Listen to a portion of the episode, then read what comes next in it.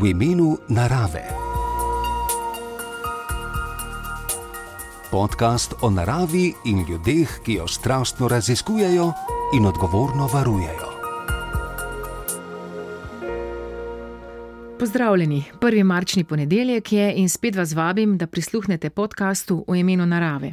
Z vami sem Meta Ornik, v vaši in moji družbi pa biologinja Katja Poboljšaj z Centra za kartografijo faune in flore. Katja, kadarkoli potrebujem kakšne informacije o dvoživkah, najprej pomislim na te. Poznava se že, zdaj si upam reči, desetletja in zato se bova tudi tikali. Pozdravljena. Pozdravljena. Uh, torej, tvoje področje so dvoživke, če sem pa bolj natančna, se ukvarjaš z ekologijo varstva dvoživk. Kaj to na kratko pomeni? Na kratko pomeni, da tudi izvajam raziskave in uh, predla predlagam ukrepe za varstvo dvoživk. Eh, če si predstavljam tebe pri tvojem delu, jaz vidim Katijo poboljšanje, ki je na terenu. A je ta moja predstava ustrezna, pravilna ali se malo motim? Deloma. Toliko kot je, seveda, je terensko delo, sem dosti na terenu, uh, imam pa tudi dosti pisarniškega dela, komunikacije z ljudmi, pisanja poročil, kar pač spada zraven tudi uh, takim terenskim raziskavam. E, torej, e, terensko delo verjetno največkrat poteka nekje ob kakšnih mokriščih. Tako v mokriščih, tudi odvisno, kakšen je namen raziskave. Recimo, ko pročujemo selitve dvoživk, je to predvsem nočno in večerno delo. Če raziskujemo, kje vse se dvoživke razmnožujejo, pa je to tudi ob normalnih delovnih dnevih in časih. E, kaj pa je tisto, kar tebe že odnegdaj tako zelo očara pri dvoživkah? Ali je bilo pravzaprav to, da se z njimi že toliko let ukvarjaš na ključje? Po eni strani je bilo na ključje, vedno me je zanimala narava in sem bila vključena v vse take aktivnosti, kljub mladih raziskovalcev, gimnaziji in take stvari. Ampak potem, nekako, ko sem se mogla odločiti eh, v času študija, iz česa hočem diplomirati, pa sem rekla, da oh, hočem nekaj se ukvarjati z retenčerji. Ljudi, ki se ukvarjajo z, z pticami, je že dosti ribe, mm, mm, dvoživke, plazilci, ah, pa pa rajši dvoživke. Tako da je bila malo um, na, na srečo, ampak potem, ko sem pa enkrat začela delati, pa seveda me je zagrablo. So krivi tudi recimo vodni habitati ali pa morda tudi njihov značaj, če lahko temu tako rečem. Ja, mislim, da tudi to, ker, ker mislim, da je voda od zmeraj privlačna, bila privlačna za ljudi, kar je seveda življenjskega pomena tudi, tudi za ljudi. In um, vsi ti mokrišni habitati, tako vodni kot kopenski, imajo en poseben čar tudi za me. Kaj pa ta njihova prilagodljivost? A dvoživk. Ja. Ja, so prilagodljive, vedno do ene mere. Tako da um, so sposobne nekatere vrste preživeti kar uh, pod različnimi slabimi pogoji, ampak ko pa pride enkrat do um, vseh uh, kumulativnih negativnih vplivov, pa se lahko populacija relativno hitro sesuje in tako izgine z površja zemlje. Veva seveda, da imamo ljudje močan vpliv um, na okolje in uh, to je pogosto povezano tudi z našimi predstavami, recimo o določenih živalih.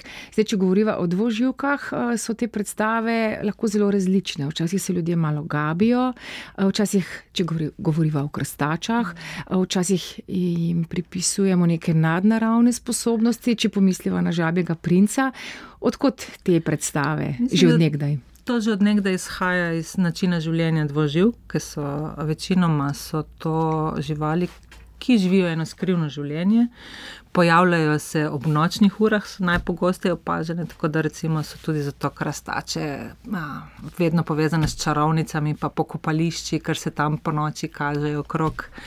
Ampak um, tudi recimo navadni močarat. Uh, Je dobil svoje ime Fire Salamander iz tega, da naj bi uh, izšel iz ognja, v bistvu pa je to dogodek pri spomladanskem kurjenju vejevja in tega, seveda, so se živali not zavlekle, in potem, ko, ko je človek zakuril, so bežale iz ognja, in, ampak potem so bili rojeni v ognju, tako mitologija pravi. Kaj pa žabi princ? Ko žabi princ eh, je tudi. Jaz mislim, da žabi princ je predvsem zaradi te metamorfoze. Se pravi, da po nekem zelo hitrem razvoju se iz uh, paglavcev, razvi, ki so popolnoma drugačni na, na pogled, drug tip živali, živijo v vodi, imajo škrge, uh, ne, nimajo pljuč, uh, imajo rep. Se v kratkem času preobrazi v odraslo žabo, ki je sposobna življenja na kopnem, ki ima pljuča, ki uh, ima štiri noge, uh, je čisto druge oblike žival in mislim, da ta preobrazba v odrasle osebe, ki je to tudi zelo pomembno pri človeškem uh, razvoju in ko človek postane odrasel in se poroči, in ima otroke, in tako naprej. e se pa ta naš odnos do dvoživk vendarle spremenja. Kakšen je danes, če bi ga morala ti oceniti? Glede na svoje izkušnje. Ja, jaz mislim, da se je uh, v zadnjih desetih, dvajsetih letih odnos zelo spremenil. Na začetku, ko sem, uh, začela, ko sem šele začela delati, je bilo vedno vprašanje, ja, ja, kaj je zdaj s temi žabami, najprej žabe, pol pa ljudje, zdaj pa se je ta zavest um, tudi nasplošno okrepila, da so postali tudi nekakšen sinonim za varstvo mokrišč in vodnih habitatov, stoječih voda. In tudi, recimo, povozi na cestah. So ljudje vedno bolj nekako dovzetni za te in zahtevajo, da naj nekdo nekaj stori, in Če drugega ne, uh, sem slišala tudi pripombe, ko se ljudje peljejo čez odsek ceste, kjer je ogromno dvoživk. Ja, pa se pa prepeljemo v garažo in mi cela garaža smrdi po crkotini, ker je toliko trupel na kolesih. Mislim, to od do je vse. Um, vs, vsi odnosi, bi rekla, človeški, so zelo širok razpon. In se nanizajo. Uh, letos so dvoživke pohitele, glede na trenutne razmere, ki pač vladajo v naravi, mislim tukaj na vreme. Ja, tako letos je bila seveda uh, zelo topla zima. Klimatske spremembe so pomembne tudi za dvoživke, kar pomeni, da se skrajša njihov čas uh, prezimovanja. Um, tako da se recimo zdaj so se že pojavile dvoživke, ki se selijo že približno mesec dni bolj zgodaj kot ponavadi.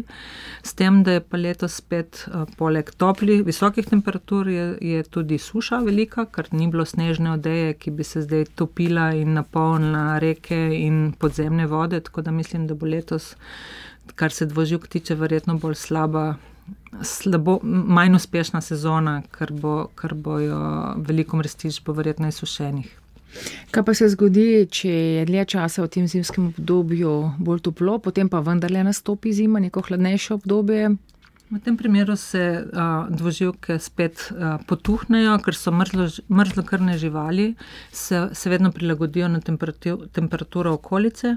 Je pa res, da če pa pride nenadno zelo hud mraz, pa se niso sposobne prilagoditi in lahko pride tudi do pogine. Eh, zanimivo je to, da pravzaprav eh, nimamo tako zelo veliko vrst eh, dvoživk v Sloveniji, ali pa se meni zdi, da jih ni veliko. Koliko jih je? Glede... Čeprav jih na koncu v resnici sploh ne poznamo, poznamo ne, se, samo nekaj. Glede na to, da, da na svetu živi že skoraj. Kako že skoraj 7000 vrst različnih dvoživk, jih imamo pri nas samo 20, uh, ampak še vedno je kar nekaj uh, so, so tudi recimo, zanimive v svetovnem pogledu, kot je seveda naš na, nacionalni eh, proteus oziroma človeška ribica, ki je edina evropska jamska dvoživka. Um, ostale vrste pa so še vedno za evropske razmere, imamo uh, pestro fauno dvoživk. Je pestra fauna, ja, kljub temu, tako. da govorimo o številki 20. Če bi meni kdo rekel dvoživka, jaz bi najprej pomislil na žabe, bom iskrena. Ja, pa imamo tudi teh ljudi. več vrst. Seveda, imamo tudi uh, dvoživke kot razred, jih delimo v več rodov in uh, tudi žabe, ta prave žabe, ki so pri nas uh, vrste zelenih žab, te, ki so bolj ob vodah, in rjave žabe, imamo štiri vrste, tako da skupaj imamo sedem vrst pravih žab uh, v Sloveniji. Um, ostale so pa pri, pripadajo drugim družinam, tako da imamo tudi uh, dve krastači, zelena rega, česnovka, pa seveda um, imamo še ur, dve vrsti urhov. Uh, in potem pridejo repate dvoživke, ker imamo dve vrsti močerada, uh, pa štiri vrste pupkov, seveda, in proteus, ki tudi še ne vemo, koliko vrst pravzaprav um, proteusov obstaja. To, to še čaka naše znanstvenike, da raziš, raziščejo do konca. Ti bom zdaj postavila še eno nehvaležno vprašanje, katera vrsta je tebi osebno najbolj zanimiva ali pa te najbolj vznemirja? Nimam neke izbrane vrste, bi rekla, bolje, eh, bi rekla, da se me bolj zanimajo tiste populacije ali pa vrste, ki so bolj ogrožene, ker je tudi narava mojega dela, da poskušam najti neke rešitve za te. Tako da uh, sem se v zadnjih letih ukvarjala kar nekaj tudi z plavčkom, ki je uh, odrasl, zelo izginja populacija oziroma se manjša v Sloveniji. Um, zdaj pa v novem projektu se bomo pa lotili tudi nižinskega urha, ki je tudi vrsta, ki uh, je zelo ogrožena v Sloveniji. Torej, zanimajo te predvsem tiste vrste, ki so zelo ogrožene. Eh, kaj pa je tisto, kar jih najbolj ogroža? Je to še vedno človek z svojim drugačnim načinom življenja, zaradi urbanizacije prihaja do tega? Vzroki so vedno različni. Vzroki so različni, predvsem pa so posledice vedno rezultat vseh majhnih vzrokov, ki se potem kažejo v tem, da uh, izginjajo habitati, da so vode onesnažene, da je vode premalo, uh, da so uh, selitvene poti presekane s cestom. Recimo. Tako da je tukaj za vsako populacijo težko pokazati s prstom na eno stvar. Uh, ampak ponavadi, tudi ko se pripravljajo ukrepe, delaš ukrepe za tisto najbolj očitno, še vedno pa uh, je velika možnost, da bo kaj, se kaj pokazalo, na kaj mogoče v tistem trenutku nisi pomislil, pa se pol kasneje pokaže, da je pomemben faktor ogrožanja. Zanimivo se mi zdi tudi to, da je Slovenija posebna tudi v tem, da imamo neke vrste hibridne cone. Ja. Kaj to pomeni?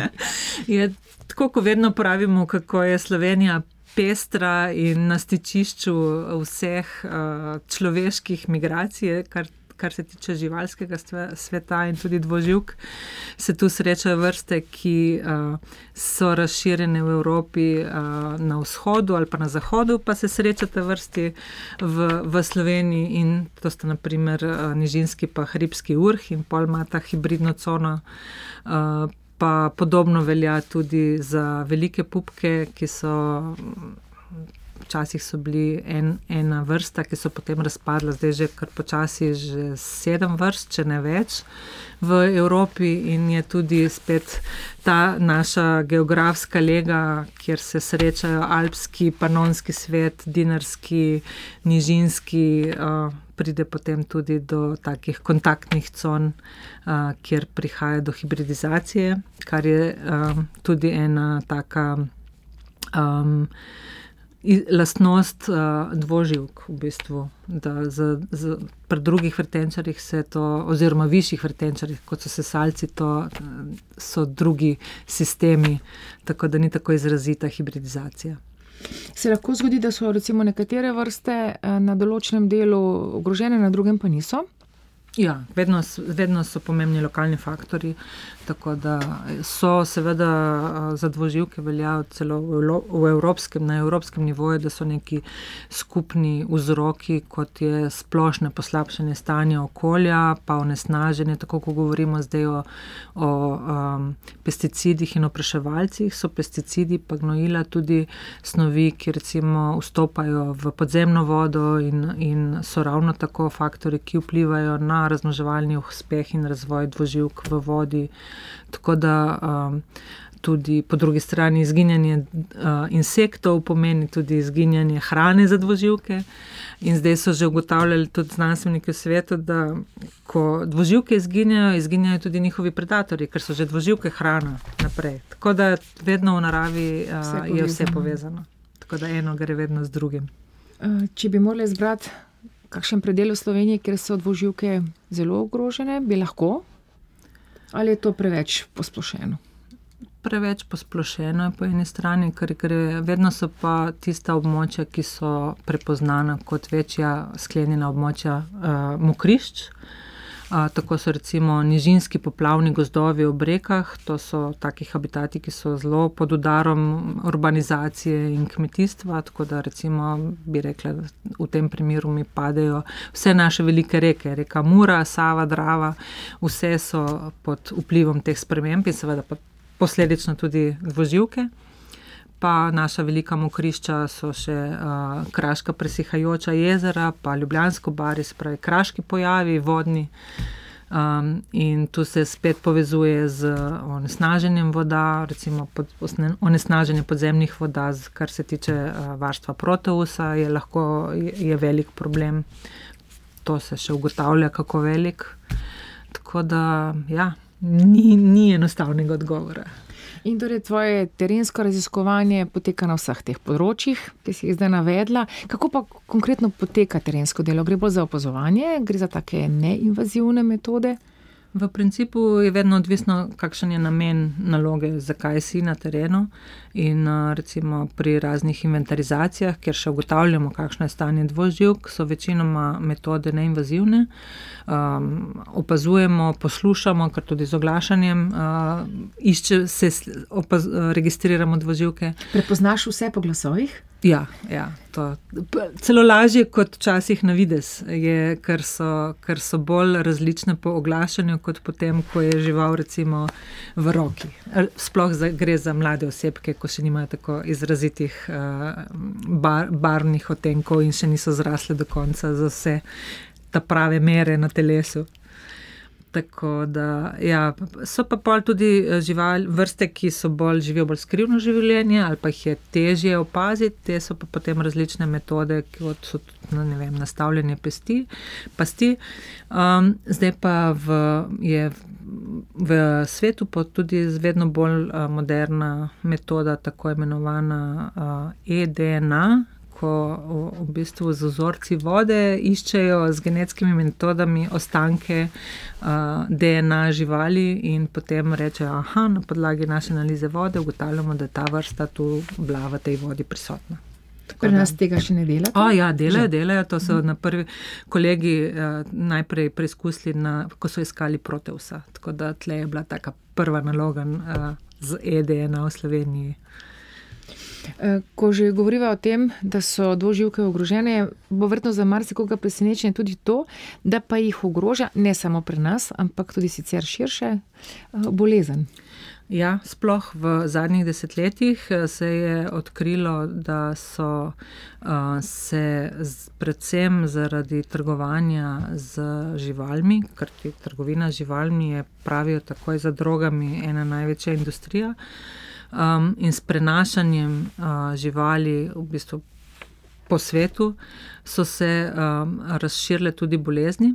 Sploh je problem, ko recimo uh, gojijo živali v uh, prostorih, kjer je natlačeno ogromno število osebkov, se tam razvijajo bolezni, in če pride potem do, um, do tega, da se uh, spusti tako žival v naravno okolje, lahko prenese bolezni tudi v prosto živeče populacije. In to se ne dogaja prav redko. Se, ne, in ravno to se je pa zgodilo. Um, najprej je bilo uh, hitridomicete, so uh, gljive, ki so take, ki so uh, povzročile. Uh, Prve bolezni, um, kjer je recimo prišlo do izumrtja celih populacij, uh, ko znanstveniki še sploh niso poznali te, te bolezni in so videli, da v nekem zdravem okolju je cela po, prišlo do pogina celotne populacije, in potem, ko so začeli raziskovati, so ugotovili, da je to bila posledica bolezni. In uh, uh, potem so, recimo, ko se je pa začelo, uh, zdaj bo pa že počasi skoraj deset let, so pa ugotovili, da močeradi na, na nizozemskem tudi množično umirajo. In ko so ugotovili, ko so pol podrobno pogledali, takrat so hitri, hitri domocete, micete že poznana bolezen, so pa ugotovili, da je še to en pos, še posebno ubijalski sev za močerade in pupke, ki uh, je bil pravzaprav nekako prenešen iz Azije v Evropo. In uh, je um, zaradi svoje, ker vsi sevi niso enako morilski, bi rekla. Uh, um, so, je pa ta um, ta hitrinomiceta je pa zelo uh, nevarna za naše uh, repate dvoživke, se pravi uh, močerade in pupke, za protousa še ne vemo, kako je in zato, bi, in zato je recimo vnos take bolezni v naše okolje lahko pomeni kar. Um, Veliko ogrožanje. Katastrofa. Tako, katastrofa lahko je. Ja. Kaj pa lahko varstveni biologi na tem področju naredite, razen da osveščate posameznike? Predvsem je tu lahko kaj države naredijo. Uh, gre za omejevanje mednarodne trgovine z živalmi, gre za redno uh, pregledovanje vseh, ki so gojitelji živali, da imajo certifikate, da so živali zdrave, da prodajajo zdrave živali in predvsem osveščati ljudi, da teh živali ne smejo spuščati v naravo. To je pa uh, tisti še najbolj pomemben del. Tako da uh, tukaj nekako v Sloveniji še nismo vzpostavili monitoringa bolezni. Uh, kolegi na, na Univerzi na biotehnični fakulteti so že na biologiji, imajo že laboratorij, da so pripravljeni. Bom rekel, znajo prepoznati žival in ne bolezen, določiti, da je prišlo do okužbe. Uh, cel, cela akcija, kako pa se obvarovati pred boleznimi, pa mislim, da nas še čaka. Ampak, seveda, tvoje glavno delo je pa varstvo dvoživk, ekologija varstva dvoživk. In deloma si že prej povedala, kaj to je. Um, pomembno je seveda tudi to, zato, ker so dvoživke indikator mokrišč. Um, Kaj konkretno pa potem s temi vašimi raziskavami, ki jih upravite na terenu, uh, naredite, oziroma na kak način jih uporabite, komu jih posredujete? To mislim, da je še bolj pomembno, ali pa vse tako pomembno kot samo raziskovanje na terenu. Ja. V bistvu mi smo vključeni v različne projekte, kjer pripravljamo od strokovnih podlag za načrte upravljanja zavarovanih območij, do sodelujemo z državo tudi pri načrtih programa upravljanja Natura 2000, kjer so dvoživke tudi vrste, s katerimi se ukvarjajo, ukvarjamo vsi skupaj. In predvsem tudi, kjer je pomemben del tudi preventiva, se pravi, tudi ko se načrtujejo posegi v prostor, je v okviru standardnega postopka presoje vpliv na okolje, je treba upoštevati tudi naravo in s tem seveda posledično tudi dvoživke in uh, narediti izvest omilitvene ukrepe, da pa ta poseg pomeni čim manjši negativni vpliv na okolje. Konkretno, recimo, sodelujete z drugimi iz različnih strok, Je to kdaj težko, se kdaj pogajate, vam kdaj učitajo, da ste odvetniki narave in da na njo gledate preveč romantično, biologi? Ja, v bistvu dosti ljudi reče, da ja, vi hodite po terenu, pa metuljčki, pa, pa travce, pa rožice, pa ne, ne živite uh, v realnosti. Ampak se mi zdi, da uh, tu gre predvsem za strokovno vprašanje. Um, in recimo, jaz sem že, vem, že 20 let in več uh, delam, tudi sem izdelovala študije presoje vpliva na okolje, ker sem prišla seveda. Uh, direktno v kontakt uh, z drugimi strokami, tako da sem se mogla tudi naučiti gradbenega žargona in inženirskega žargona, ker sem ugotovila, da včasih je največji problem, da se enostavno ne razumemo. Tudi, in, če razmišljate podobno. Tako, tako. In je treba prevesti v jezik druge stroke, da se potem, ah, ja, tako je bilo, aha, pa, pa, ja, zdaj pa razumem. in se mi zdi, da je to tudi pomembno, da se znamo pogovarjati, pa da znamo pravilno predstaviti, kaj želimo. In prav zdaj tebe, seveda skupaj s tvojim timom, čaka spet en velik izziv. Začeli ste z enim velikim projektom, ki bo trajal šest let. Tako sedem, celo sedem. Ja. Uh, ponosna smo, ja, da smo tudi zdaj um, uspeli z občino Grosuplje kot prijaviteljem in uh, osmimi partnerji uh, uspešno prijavili velik live projekt, uh, katerega tema je. Varstvo dvoživk in obnova njihovih habitatov, kar pomeni, da se bomo v Sloveniji prvič resno lotili ukrepov na vseh nivojih. Se pravi, izvedli bomo ukrepe na cestah, izvedli bomo obnovo vodnih habitatov in poskrbeli bomo tudi za kopenske habitate. Tako da je res celovit pristop k varstvu vrst.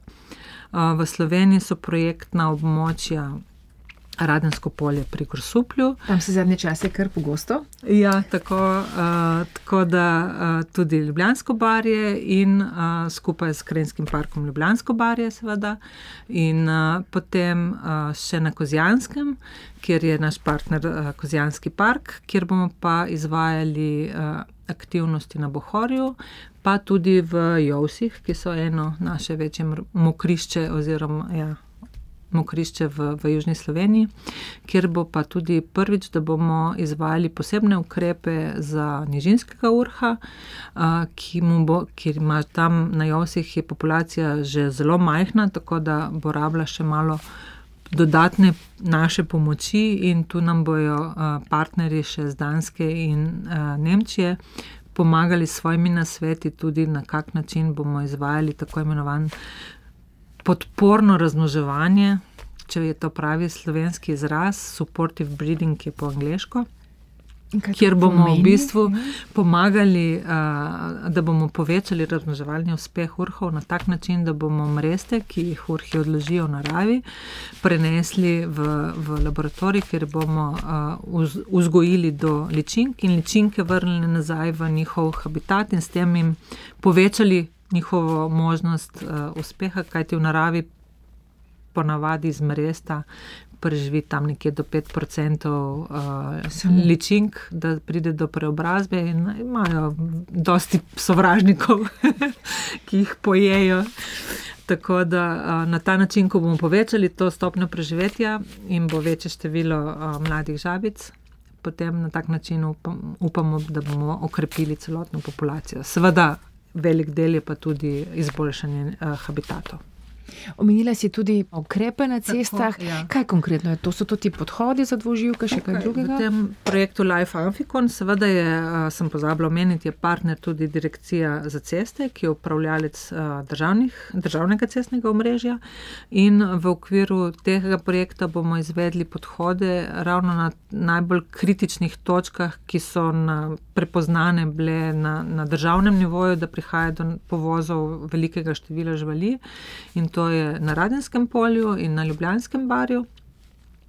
Uh, hkrati pa bomo tudi v Kozjanskem parku, v Bribniki Trepče, tudi, uh, kjer park izvaja že vem, 15 let akcijo prenašanja dvoživk, bomo tam naredili tudi informacijski center za dvoživke, kjer bo uh, kot en majhen muzej, informacijski center, kjer bo tudi praktični prikazi varstvenih ukrepov v neposrednji bližini. Tako da mislim, da bo projekt končni rezultati bojo zelo zanimivi. No, in dela vam ne bo zmanjkalo. Mene pa vseeno zanima, ali greš kdaj v naravo um, tudi samo za svoj užitek? Absolutno. in kam greš takrat najraje? Si, ali si takrat tudi vedno pozoren na dvoživke? Verjetno ne moreš ja, svoje kože. Ne moreš iz tega, ampak je ti pohodi so predvsem namenjeni pač druženju s prijatelji, z družino. Uh, tako da poskušam vedno jih nekako usmeriti, mogoče malo bolj na mokrotne, mokrotne območja, kar mi ne uspe vedno, seveda, ampak um, vedno je nekako narava, je tisti del. Kjer, kjer z veseljem preživim svoj prosti čas. In kam greš najraje, oziroma nam daš kakšen nasvet? Včasih, mislim, je moj domači okoliš, uh, je v bistvu uh, Rašica oziroma Sračja dolina v Črnučah, uh, pa tudi uh, Rožnik, ker je to je primerno, recimo, ko nimaš veliko časa, ampak je kratek sprehod s prijatelji, pa klepet, pa hkrati si v gozdu. Uh, in, in v naravi, kljub temu, da si v centru Ljubljane, kar mislim, da je redko v svetovnem merilu.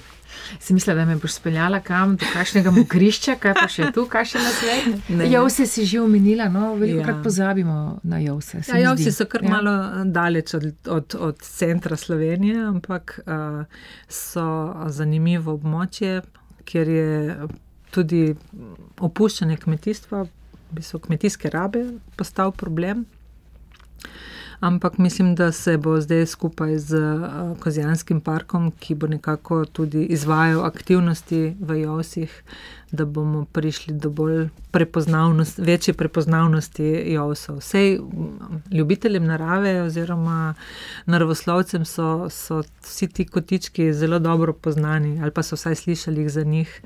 Tako da mislim, da. Um, včasih tudi prekomerna pozornost ni ravno najboljša. Vse, kar je preveč, škodi. Mislim. In zdaj pa samo, kdaj postaviti mejo, kaj je to preveč. To je pa pol stvar družbenega dogovora. V bistvu. Zato imamo tudi zavarovana območja, ki nekako te najbolj naše um, pomembna območja poskušajo nekako varovati in upravljati, tudi tako, na tak način, da bo uh, ta območja na dolgi, dolgoročno preživela v, v ugodnem ohranitvenem stanju. Katja, najlepša hvala. Glede na vse projekte oziroma aktivnosti, ki si jih v sklopu teh svojih projektov naštela, sem prepričana, da se bomo kmalo spet kaj srečali. In ja, uspešno delo vam želim. Hvala lepa in uh, hvala za povabilo. V tokratnem podkastu v imenu narave je bila naša gostja, varstvena biologinja Katja Poboljšaj. Z njo sem se pogovarjala Meta Ornik. Podkastu MMC-ja v imenu narave pa lahko prisluhnete spet prvi ponedeljek v aprilu. Spremljate pa nas lahko tudi na podstrani rtvslo.si pošiljnica v imenu narave.